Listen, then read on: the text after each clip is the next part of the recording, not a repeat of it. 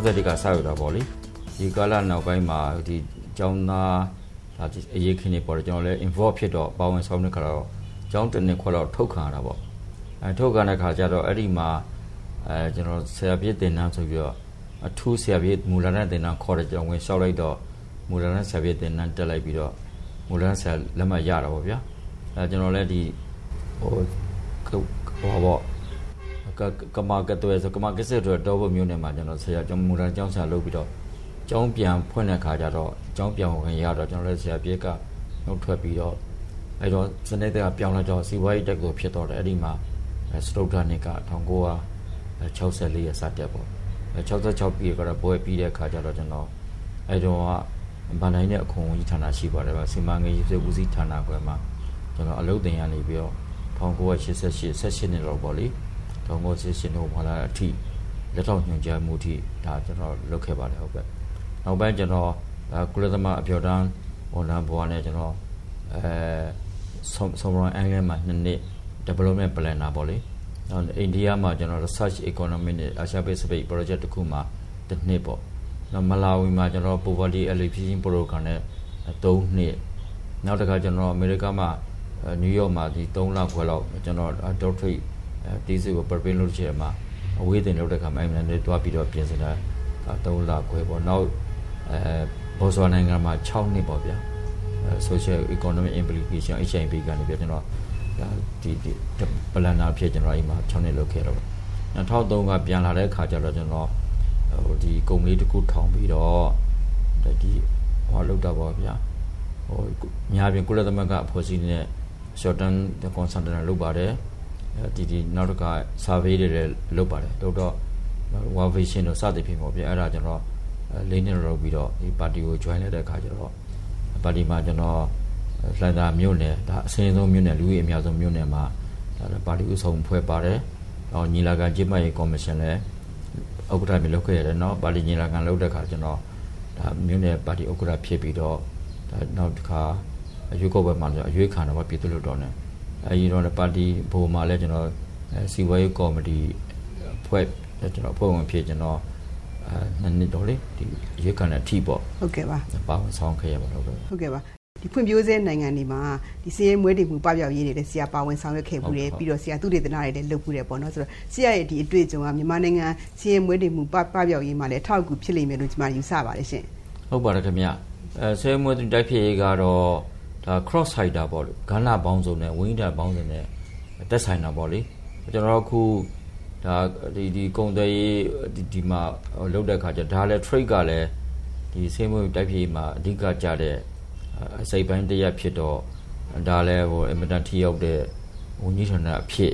ပါဝင်ဆောင်ရွက်မှာပေါ့ဆောင်ရွက်မှာပေါ့လေဟုတ်ကဲ့ပါစီးပွားကူးသန်းဝန်ကြီးဌာနအနေနဲ့ပေါ့နော်ကျွန်မနားလေတဲ့လောက်ပြောရမယ်ဆိုလို့ရှိရင်တော့နိုင်ငံရဲ့စီးပွားရေးရာကိစ္စတွေမှာထဲထဲဝင်ဝင်ဆောင်ရွက်ရမယ်ပြီးတော့ကူးသန်းရောင်းဝယ်ရေးမှာလည်းနိုင်ငံတကာနဲ့ဆက်သွယ်ပူးပေါင်းဆောင်ရွက်တာတွေလည်းရှိမှာပေါ့နော်အဲ့တော့ဆရာဒီကုသန်းဒီစီဝါကုသန်းဝင်ကြီးတယောက်အနေနဲ့ဖြစ်လာတယ်တာဝန်ယူရတော့မယ်ဆိုလို့ရှိရင်ဘာအုံများဦးစားပေးပြီးဆောင်ရွက်ချင်ပါလဲရှင်ဦးစားပေးတာကျွန်တော်တို့သုံးမျိုးလောက်ရှိတာပဲတမျိုးတော့လောလောဆိုတော့ကျွန်တော်ပြည်တွင်းဒါကုန်ဒီကုသန်းရောင်းရင်ပေါ့ ဒီမှာယနေ့ဒီမှာကြုံတွေ့တဲ့ပြဿနာကထုတ်လုပ်သူကလည်းသူသွင်းလယ်သမားပေါ့အသေးစားဆက်မှုလုပ်ငန်းများပါဗျာသူကထုတ်လုပ်ရှင်သူမတင်တော်တဲ့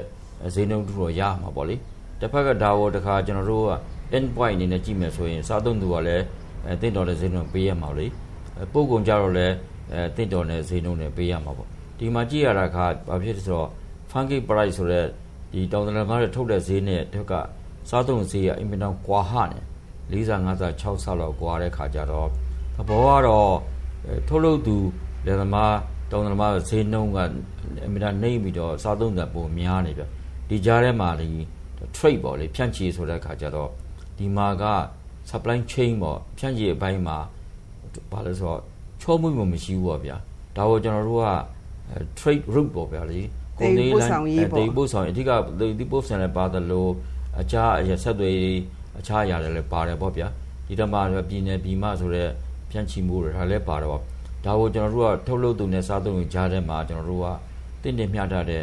ရအောင်ကျွန်တော်တို့ကဒီ supply chain တွေဒါတွေကပြုပြင်ပြောင်းလဲရမှာပဲလမ်းပန်းဆက်သွယ်ကောင်းမှုတို့အဒါအစီတို့မလိုအပ်သောဥပဒေတို့ဒါကပြည်တွင်းမှာရှိတာပေါ့လေနောက်တစ်ခုလည်းကျွန်တော်တို့ကအဲပြည်ပနဲ့ဆက်ဆံမဲ့ခါကြတော့လေပြည်တွင်းကလည်းသိရတဲ့ယနေ့အထိတဘာဝအခြေခံမှာထုတ်တဲ့ပစ္စည်းပဲပို့ကောင်ကပို့နေရတဲ့ခါကြတော့ ဒါလည်းအတက်ကြရှိတယ်ပေါ့နောက်တစ်ခုလည်းကျွန်တော်တို့ကအဲဒီဒီကုံသွယ်ရေးတို့တွေမှာလည်းနိုင်ငံတနိုင်ငံနှစ်နိုင်ငံပေါ်မှာလုံးဝမိကိုနေတဲ့သဘောဖြစ်တယ်အဲ့တော့ကျွန်တော်ကတိုင်းပြည်ပွင့်လင်းလာတဲ့ခါတော့ကြဲကြဲပြတ်နဲ့ဈေးကွက်ကိုဖြန့်ပြီးတော့အခြားနိုင်ငံတွေနဲ့ကြဲကြဲပြတ်ပြတ်ကုလူဆက်ဆံမှုကလည်း အဓိကပြဿနာဖြစ်တော့ပေါ့ဟုတ်ကဲ့ပါအခုဟိုပြီးခဲ့တဲ့မနေ့ကတုန်းကသမရာကြီးဦးထင်ကျော်ပြောသွားတဲ့မိန်ကုန်းထဲမှာလည်းဒီဈေးကွက်စီးပွားရေးစနစ်ကိုပြီးပြီးပြင်းပြင်းအကောင့်ထဲပေါ်ဖို့ဆိုတာပါပါတယ်နောက်ပြီးတော့ဒီဒေသတွင်းနိုင်ငံတွေပေါ့နော်ဒီအာဆီယံနိုင်ငံတွေအထူးသဖြင့်အိန္ဒိယနိုင်ငံတွေနဲ့စီးပွားရေးကူးသန်းရောင်းဝယ်မှုကလည်းဒီနိုင်ငံအတွက်အများကြီးအရေးကြီးပါတယ်အဲ့တော့ဒီအိန္ဒိယနိုင်ငံတွေနဲ့ဒီစီးပွားရေးမူဝါဒပေါ့နော်ဆရာဘယ်လိုများစဉ်းစားထားပါလဲရှင်ဆက်ဆက်ဆံမှုလေအဲဆက်ဆံတာတော့ခုကျွန်တော်တို့ဒီပွင့်လင်းမြင်သာမရှိတဲ့ကျွန်တော်တို့လည်းဒီက ဒီအတိုင်းပဲလေလူလူကအများဆုံးမျှလင်းချက်နဲ့ဒါကျွန်တော်ရွေးချယ်လိုက်တဲ့ခါကျတော့တော်တော်လေးကိုပဲပတ်ဝန်းကျင်နိုင်ငံတွေကဆက်ဆံမှုကပုံမပွင့်လာမယ်သဘောရှိပါတယ်ဟိုတုန်းကလည်းဆက်ဆံခဲ့ပါတယ်တိုးတော်ဟိုတုန်းဟိုတုန်းအခြေအနေကအကန့်အသတ်ကြီးရှိတယ်အဲသူတို့ဘက်ကျွန်တော်တို့ဘက်ကလည်းအကန့်အသတ်ကြီးရှိတယ်ဥပမာဆိုရင်ကျွန်တော်တို့နီးပညာကျွမ်းကျင်မှုငွေရေးကြေးရေးဆိုတဲ့အကန့်အသတ်ရှိတဲ့အခါကျွန်တော်တို့အနေနဲ့ ဒီနိုင်ငံတကာကိုထိုးပေါက်နေမှာကျွန်တော်တို့အားနည်းချက်ရှိပါတယ်ဗျအဲ့တော့ခုတော့ကျွန်တော်တို့ကပွင့်လင်းလာတဲ့ခါကျတော့နိုင်ငံတကာလည်းဗမာဒီကိုပြည်တွေကိုဝင်လာတာရှိတယ်အဲကိုကလည်းသူတို့ဝင်လာတာကများနေတာပေါ့ဗျာအဲကျွန်တော်တို့ကဒီဝင်ရောက်ထိုးပေါက်ဆိုတော့လည်းဒါနိုင်ငံတကာအဖွဲ့အစည်းတွေအခုည WTO တို့စပြင်သူတို့အဖွဲ့အစည်းတွေနောက်ပြီးကဂျပန်တို့ကိုရီးယားတို့ဆိုတော့သူတို့နည်းပညာတွေပေးနေတာရှိပါတယ်နောက်အိန္ဒိယတို့လည်းဒါဟိုတုန်းနဲ့အစင်လာဆက်ဆံနေတာတော့ဒါကိုကျွန်တော်တို့ကတစ်ဖက်ကလည်းဒါအစိုးရအဖွဲ့အစည်းချင်း ဆက်ဆံတစ်ဖက်ကလည်းခုနလုပ်ငန်းရှင်ချင်းချင်းဘုံမဆက်ဆံလောင်းဆိုရင်ဘာပဲဖြစ်ဖြစ်အဲကျွန်တော်တို့တွေကဒီထိုးပေါက်နိုင်မှုတော့စတင်လုပ်နိုင်မယ်လို့အာကျွန်တော်တို့ကမျှော်လင့်ထားတယ်